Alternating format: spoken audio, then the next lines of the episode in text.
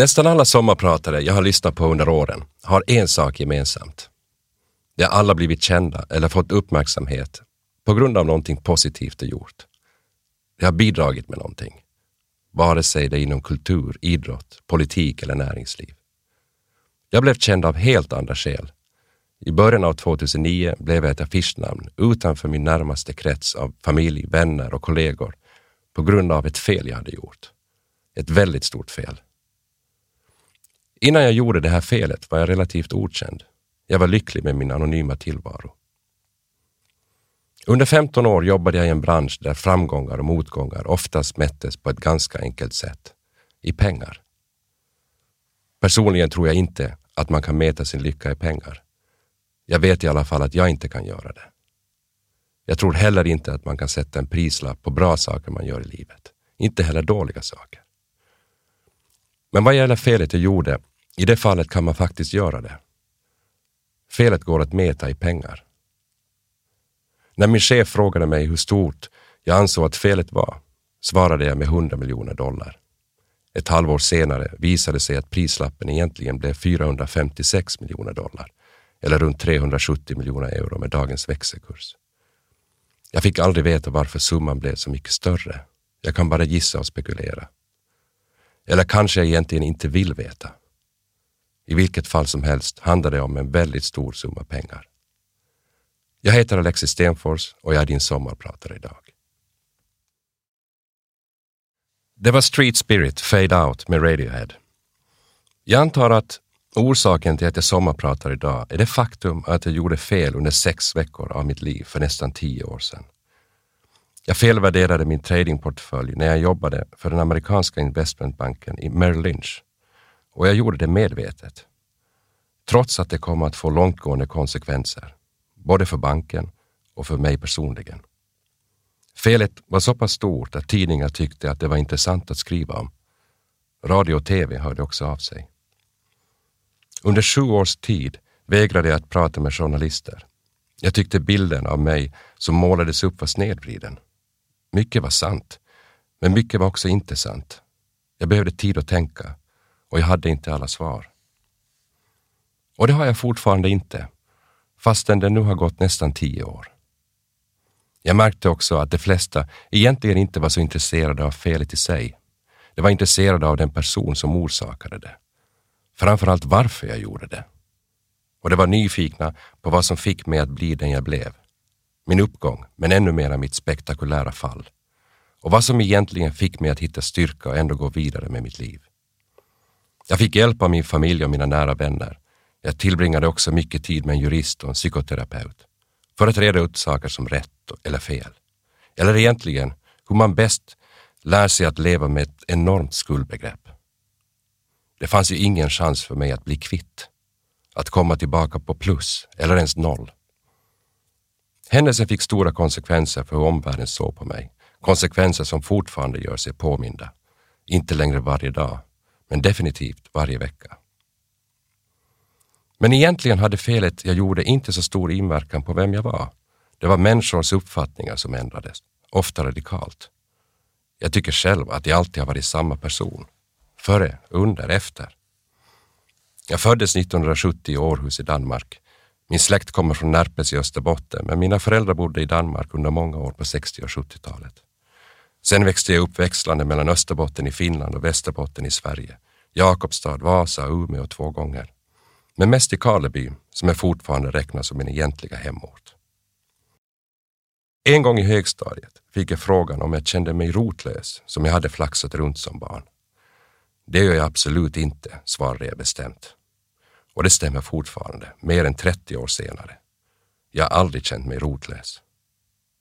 Men däremot har jag alltid haft ett extremt stort behov av att resa och se nya platser. På det sättet kanske jag är rastlös istället för rotlös. Jag minns också att jag under gymnasietiden var ganska uttråkad. Jag gick ofta till stadsbiblioteket vid busshållplatsen i Karleby och lånade böcker om andra länder. Kataloger om hur man kunde studera utomlands. Jag försökte lära mig nya språk. Och jag har samma intressen idag. Som barn kände jag mig trygg. Så småningom byggde jag upp ett starkt självförtroende. Jag vågade ta risker. Och det är just som risktagare Jag blev upptäckt inom finansbranschen. Jag flyttade från Finland efter gymnasiet för att studera vid Handelshögskolan i Stockholm och har sedan dess bott i Sverige, Tyskland, Japan och England, men mest i London där jag bor just nu. För mig är nog minnena mina egentliga rötter. Inte någon speciell plats. Men det gör också att jag ibland förtränger det tunga eller det tråkiga. Och kanske jag också kryddar lite extra här och där för att göra minnet mer intressant. Det är ju lätt att glömma bort dagar när nästan ingenting skedde överhuvudtaget. Det är kanske just därför som mina minnen av Österbotten, vilka jag ibland känner väldigt starkt, kan bli snedvrida. Jag minns specifika känslor. Känslan när det nappar och kanske en liten abborre har huggit sig fast på metspöet. Men sen upptäcker jag att kroken bara fastnat i vassen. Eller känslan av att trampa genom skare mitt i vintern. Känslan av att känna att en bil kör på vägen, men inte att höra den, för att allting är så otroligt tyst när det snöar. Jag minns också dofter. Dofter som inte går att köpa på taxfree-shoppen på flygplatsen. Syren, lingon, nyklippt gräs, doften av kära. Eller doften av liniment i ett omklädningsrum på den tiden jag spelade fotboll under tidigt 80-tal. Jag minns också människor, men ofta människor från en annan tid. Människor som har vuxit upp för länge sedan, skaffat sig nya intressen, förändrats eller till och med gått bort. För mig handlar det här inte om nostalgi eller hemlängtan. Det handlar om minnen. Starka minnen, mina rötter. Och förutom tillsammans med mina minnen känner jag mig hemma nästan var jag än bor eller befinner mig under en längre period. Men oftast blir det lättare om jag har tillgång till tre saker. Mina skivor, ett par springskor och böcker. Framförallt böcker som på något vis handlar om ekonomi eller samhället i största allmänhet. Så när folk frågar mig vem jag egentligen är tänker jag ofta på familj och vänner och just skivorna, springskorna, böckerna. De här sakerna hjälper mig att överleva och fokusera framåt. Att känna mig hemma även i en svår eller nästan outhärdlig situation. Det var Just Breathe med Pearl Jam. När jag behöver tänka går jag ut och springer. Jag tänker snabbare om jag springer. Den här rutinen har jag haft i över 35 år. Och jag har bara haft en enda paus från löpandet. Samma dag som jag blev klar med min doktorsavhandling under sommaren 2013 ramlade jag ner för en trappa, antagligen av glädje. Jag bröt en tå och fick ta mig till akuten. Läkaren sa till mig att jag inte fick springa på åtminstone sex veckor. Det här går inte, sa jag. Jag måste ju springa. Hon trodde säkert jag var galen. Men hon hade rätt och det blev en två månaders paus. Jag minns att jag blev retad under lågstadiet. Jag vet egentligen inte varför. Men jag antar att det var en kombination av olika saker. Jag var ny i skolan. Jag pratade annorlunda. Jag var ganska rund och inte speciellt bra i sport. Så jag började springa. Vi råkade bo ett kvarter från sportplanen. Så jag gick ner och sprang ett par varv runt planen varje dag under en sommar. Jag köpte mina första spikskor. Ett par vita Puma med vinröd logo. Det här var väl ungefär på den tiden digitalklockorna kom till Finland. Alla skulle ha en digital klocka med tidtagarur. Jag hade en Citizen. Den var silver och metallblå. Med den kunde jag ta tid till närmaste hundradels sekund. Hur fort jag sprang runt sportplanen. Och under den sommaren blev jag snabbare. Jag blev också mer uthållig. Under en höst blev jag uttagen att springa 800 meter för klassen i skolmästerskapet. Och jag vann. Jag började tävla i löpning och det gick ganska bra på distriktsnivå. Tills jag började få ont i mitt vänstra knä. Under tiden som penning och valutamäklare fick jag ofta frågan vad som gjorde mig till en bra handlare. Speciellt när jag bytte jobb. Bankerna ville ju veta om det handlade om tur eller skicklighet. Jag tror att det var en kombination av flera saker. För det första var jag extremt intresserad av ekonomi, politik och världsnyheter. Det gjorde att jag följde med vad som hände i världen och visste hur marknaden skulle reagera om någonting skedde. Och varje dag kom ju med en ny buffé av nyheter. För det andra hade jag också lätt för matte. Jag är ingen matematiker, men jag tycker om siffror. Som penningmäklare hjälper det om man är bra på att räkna. Och för det tredje var jag snabb och uthållig. Och det är en ganska ovanlig kombination, både inom löpning och inom penningmarknaderna. Jag blev helt enkelt bättre än mina konkurrenter på andra banker och i andra länder och det skedde ganska snabbt. Det finns ju en stereotyp bild av en mäklare. En ung man, för det är oftast män, som håller i två telefoner och skriker i båda samtidigt. Köp, sälj. Det lustiga är att den stereotypen stämmer exakt för hur min karriär började som handlare i Stockholm. Jag hade bara jobbat fyra dagar på HSBC, en stor bank med huvudkontor i London och Hongkong, när jag blev tränad i att ringa ut, som det hette. Det vill säga att ringa och svara i telefon med två lurar samtidigt. Det är mycket svårare än det låter att köpa i den ena luren och samtidigt sälja i den andra. Eller att köpa från båda samtidigt. Det kommer sig inte naturligt och det krävs träning. I början handlade jag svenska statsobligationer och ett standardbelopp var väl ungefär 50 miljoner kronor. Det var dyrt om man gjorde ett misstag och ibland innebar ett misstag till och med slutet på en karriär. Lite senare började jag handla med valutor och räntederivat. Det var mer sofistikerat och vi använde sällan telefoner. Istället hade vi elektroniska kommunikationssystem. Det här var före internet, men det påminner ganska mycket om dagens konversationer på sociala medier. Man kunde ringa fyra banker samtidigt, vilket gjorde att man kunde köpa och sälja mera. Och snabbare. Oftast tog ett samtal bara några sekunder. Jag lärde mig dessutom att använda två maskiner samtidigt, så jag kunde handla med åtta banker på en gång. När jag flyttade till London i december 1995 var mitt första jobb att köpa och sälja finska räntederivat. Standardbeloppen var vid det här laget större, ofta en miljard mark. På några sekunder kunde jag köpa eller sälja åtta miljarder. Lätt. Men den finska marknaden var ändå liten och jag ville spela med de stora pojkarna. Mer och mer började jag följa de andra nordiska länderna, USA, Japan, oftast allihop samtidigt. Åren gick, marknaderna växte och bankerna tog större och större risker. Eller egentligen var det inte bankerna som tog risk. Det var ju människor som jobbade på bankerna. Det vill säga sådana som jag. Jag har alltid hatat uttrycket tid är pengar. Men mot slutet av min karriär, just för att spara tid, tog jag ofta en taxi in till jobbet. Speciellt om det var tidigt på morgonen och London-metron fortfarande var stängd. Det brukade ta ganska exakt elva minuter. Under de första fem minuterna i baksätet pratade jag oftast med en mäklare på min Nokia. Beloppen hade vuxit sig större. Nu handlade det om 50 miljarder kronor, 10 miljarder dollar eller två triljoner japanska yen. Ibland i en enda affär. Efteråt fick jag höra att jag hade ett smeknamn i branschen. Jag kallades Stealth för att jag hade is i magen och var som ett attackplan, tyst och osynlig. Tills det var för sent, för det andra på marknaden, det vill säga. Vid det här laget handlade nästan allting om att se vem som blinkade sist, vem som vågade ta mest risk.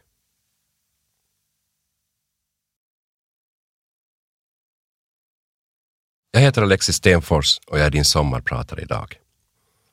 När jag satt i taxin på väg till jobbet brukade jag ha ungefär fem minuter helt för mig själv. Ingen kunde störa mig. Jag hade tid att spela en låt i min Walkman eller min iPod innan jag gick in till kaoset där inne i handlarummet. Det var alltid ett svårt val, men ofta lyssnade jag just på den där sången, 1979 med Smashing Pumpkins. Det svåraste med att göra det här sommarpratet har inte varit att fundera på vad jag ska säga, utan vilken musik jag ska välja. Jag tror inte jag kommer att ångra mina ord, men jag kommer helt säkert, redan imorgon, att ångra vilka sånger jag spelar. När jag gjorde läxor i matte lyssnade jag på Pink Floyd eller Rush. Fortfarande funkar det bra som soundtrack när jag försöker skriva komplicerade ekvationer i Excel. Jag tycker om att lyssna på Iron Maiden när jag dammsuger, eller ACDC jazz, ofta Lester Young när jag lagar mat. Sitter jag på ett tåg lyssnar jag på The Cure eller Sisters of Mercy. Nu för tiden lyssnar jag alltid på musik när jag springer. För att koppla av, för att drömma mig bort, för att få energi, för att bygga upp mitt självförtroende, för att sätta färg på de känslor jag har, just i den stunden. Jag kommer ihåg att jag en kväll i början av mars 2009 höll på att steka pannkakor eller plättar åt mina döttrar. Precis som alla andra barn älskade just pannkakor. Det ringde på dörren. Det var en journalist från Evening Standard, en Londonbaserad kvällstidning som ville intervjua mig. Innan jag hann stänga igen dörren såg jag i ena ögonvrån att en fotograf, han smattrade av några bilder. Han stod mitt ute på gatan, till vänster. Det var som om han var förberedd. Som så många andra tidningar hade de läst artikeln om mig i New York Times. Den artikel som gjorde mig känd, eller ökänd. New York Times är en väldigt stor tidning, så storyn spred sig snabbt över hela världen. Mitt gamla, anonyma jag försvann över en natt. Det finns nästan inga artiklar om mig som publiceras just före mars 2009, förutom i sportsektionen i lokaltidningarna, ett och annat terränglopp när jag var tonåring, några tävlingar i Vörå eller Kalajoki, men ingenting på nätet. Framförallt ingenting intressant eller relevant för en läsare.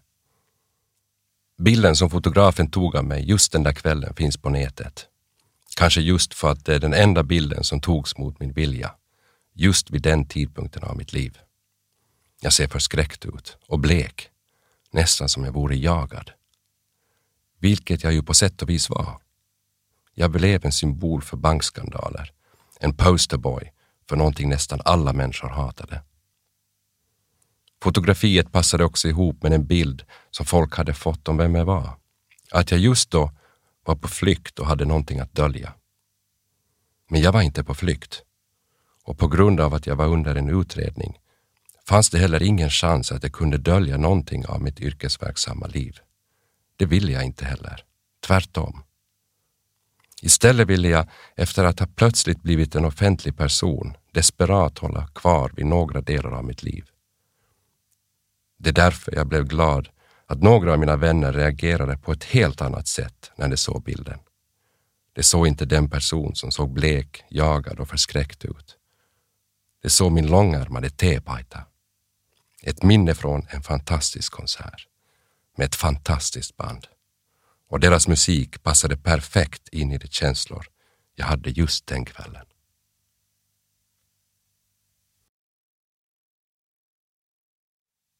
Det var en helt ny karriär med Kent. Jag växte upp med fotboll. Min pappa var väldigt fotbollsintresserad.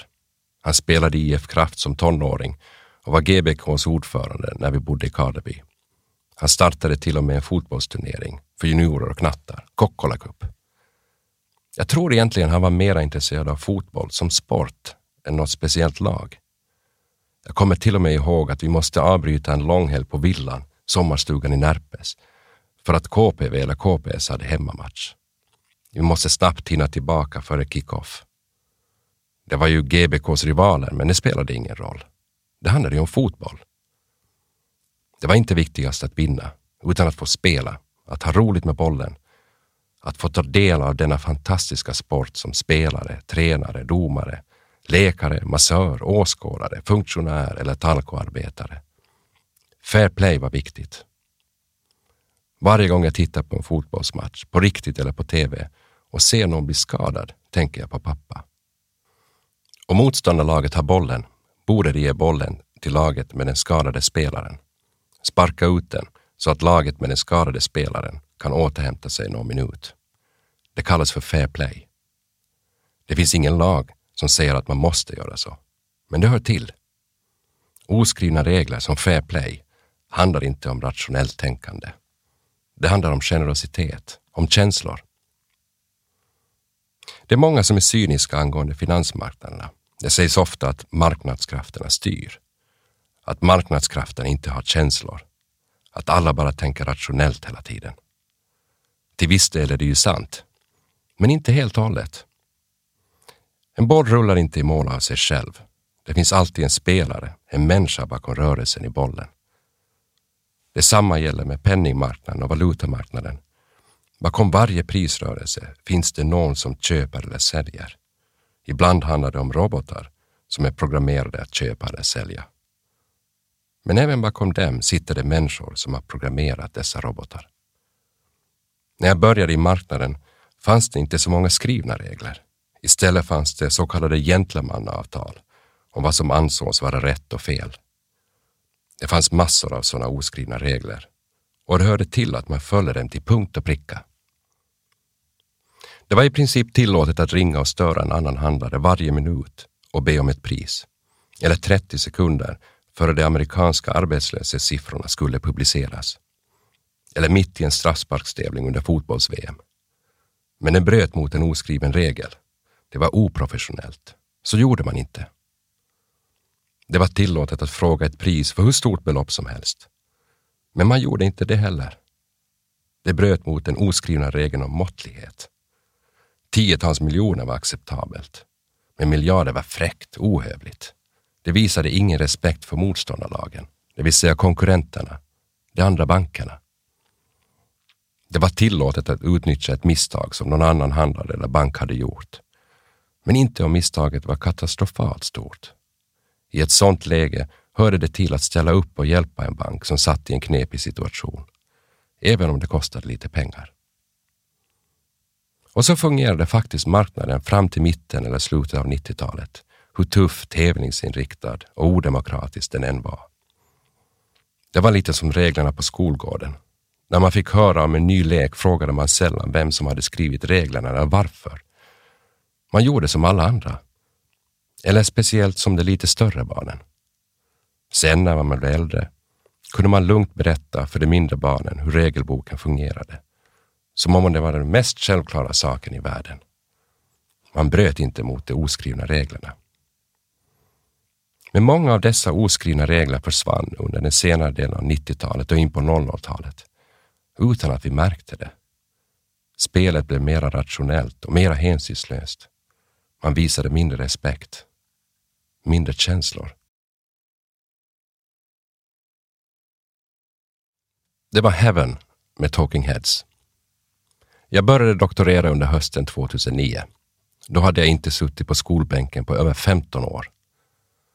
Ett år senare frågade en professor om jag ville dra en seminarieserie för hans studenter. Jag blev helt paff. Jag hade aldrig haft några planer på att bli lärare. Jag hade scenskräck. Jag hatade teaterpjäser i skolan, speciellt när jag var tvungen att säga någonting. I mitt huvud var jag helt enkelt ingen ledartyp. Jag var aldrig ordförande i elevrådet eller kapten i fotbollslaget. Istället var jag ofta kassör eller ibland sekreterare.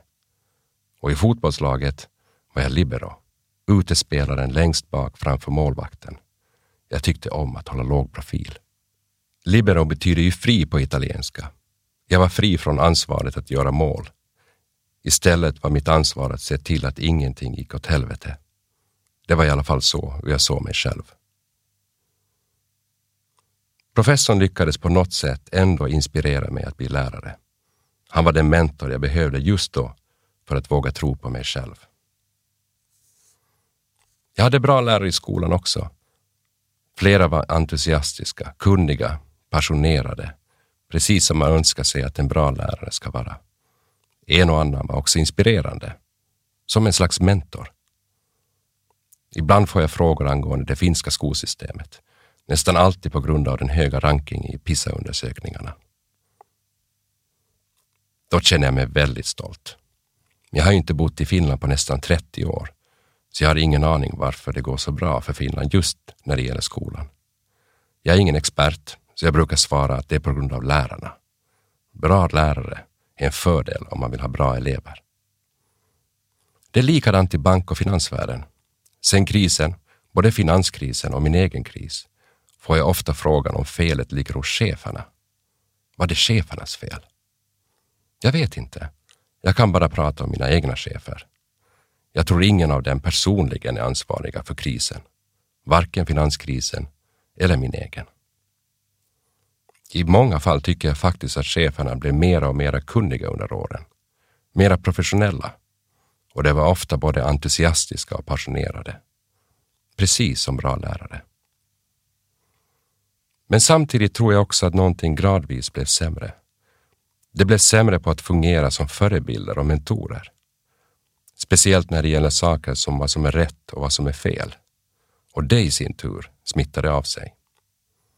Jag gillade min första chef och såg upp till honom. Han såg ut som en ung Al Pacino. Han kunde spela squash med racketen både i höger och vänster hand. Han var en oerhört skicklig handlare och kunde läsa marknaden som en öppen bok. Det var en tuff och ibland hänsynslös värld, men för honom fanns det alltid gränser. Han var inte villig att försöka tjäna pengar för banken till vilket pris som helst. Om en högre chef i London eller Hongkong ställde orimliga krav på honom, eller på någon i hans team, dit jag tillhörde, sa han alltid ifrån.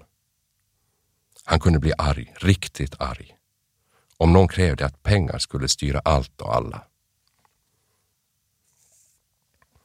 När jag blev erbjuden ett jobb i London av Citibank, en amerikansk konkurrent, ringde jag upp honom på hans hemtelefon och berättade att jag tänkte säga upp mig nästa dag.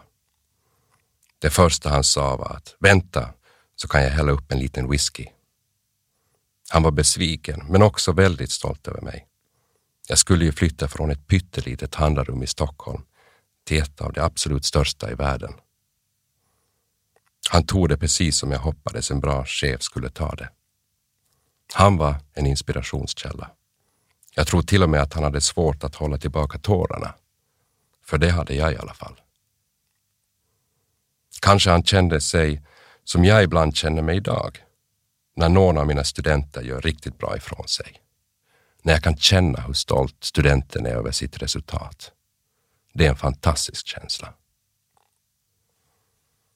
Mellan 1999 och 2001 bodde jag i Japan och min chef jobbade i New York. Vi skulle få vårt första barn och Maria, min fru, gick igenom en väldigt svår graviditet. Läkaren på sjukhuset i Tokyo sa att chanserna för barnet att överleva var små. Så Maria bestämde sig att flyga hem till Motala i Sverige för att föda barnet där. Det kändes tryggare. När jag frågade min chef om jag kunde ta några dagar ledigt för att följa med henne sa han nej. Budgeterna måste sättas. Det var inte alls läge att ta ledigt. Jag sket i vad han sa och följde med. Sex månader senare slutade jag på den banken. Några år senare när jag jobbade på en fransk bank i London blev min pappa svårt sjuk och jag minns att jag frågade min nya chef om jag kunde ta ledigt för att tillbringa lite tid i Karleby. Nej, det går inte, svarade han. Vem ska tjäna pengar när du är borta? Jag hade gjort mig oumbärlig, åtminstone i hans ögon och rent pengamässigt. Det hade blivit ett problem, både för honom och för mig. Men han var chef och bestämde och enligt honom måste marknaden, banken, pengarna komma först. Jag reste inte till Karleby före det var dags för begravning. Några månader senare sa jag upp mig och började på Merrill Lynch, en aggressiv amerikansk investmentbank med en legendarisk logo, en tjur. En stolt, självsäker och aggressiv tjur. Några år senare, speciellt under hösten 2008, föll etiken ihop totalt. Det var som om jobbet jag hade och faktiskt älskade kom med ett osynligt virus. Det var omöjligt att veta vem som hade smittats eller om man var immun mot det. Folk såg ut som zombier. Antagligen gjorde jag också det, för jag mådde fysiskt och psykiskt illa. Under slutet av 2008 eller början av 2009 hade jag ett utvecklingssamtal med en av mina högre chefer. Det gick katastrofalt dåligt för banken och många andra banker också, men jag lyckades ändå dra in en massa pengar mitt under krisen. Mer än någonsin förr. Vi diskuterade budgetar för 2009. Jag sa till honom, optimistiskt, att jag kanske kunde dra in 150 miljoner dollar. Jag trodde han skulle bli imponerad och kanske säga till mig att skruva ner mina egna förväntningar lite. Men istället började han skratta. Jag förväntar mig mycket mer än 150 miljoner dollar. Mycket mer. Han sa aldrig hur mycket, Kanske det var 250 miljoner, men antagligen upp mot en halv miljard dollar. Jag vet inte. Någonting inuti mig borde ha skrikit till mig själv att det var en omöjlig uppgift. Vi befann oss mitt i den värsta finanskrisen sedan 1929. Marknaden var väldigt svår att läsa och banken vi jobbade för hade gått under tillsammans med Lehman Brothers om inte Bank of America hade köpt upp oss. Mitt i allt detta förväntades jag göra ett mirakel. Jag borde ha sagt upp mig. Men någon slags lojalitet höll mig kvar. Jag övertygade mig själv att stanna kvar och kämpa mot alla odds. Att prioritera banken, marknaderna, cheferna före mina egna inre känslor. Och där gjorde jag ett spektakulärt fel.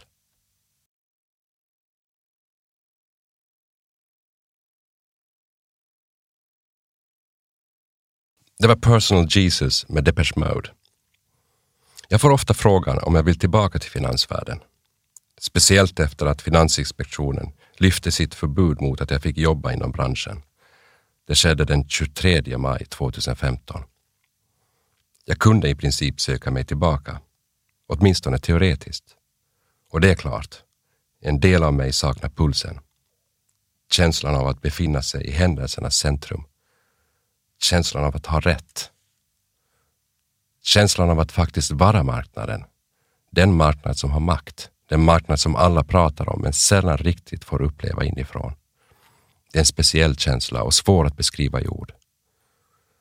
Men det är också en oerhört beroendeframkallande känsla.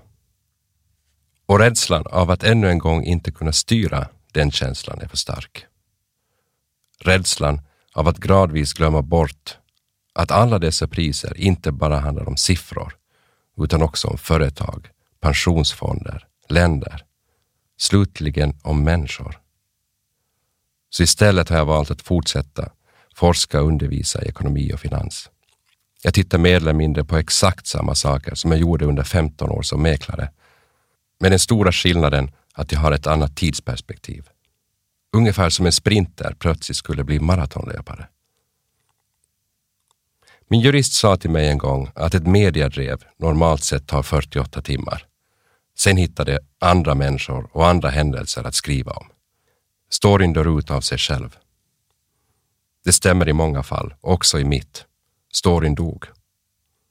Men på grund av att den tog upp 99,9 procent av allt det som fanns rapporterat om mig blev det också en svårighet att konstant bli påmind om det fel jag hade gjort.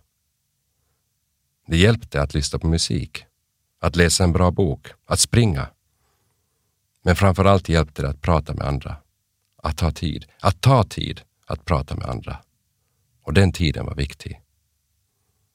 Det fanns ju trots allt människor i min närmaste omgivning som brydde sig om vem jag var. Och det gjorde det utan krav på en motprestation. Det var ingen marknad.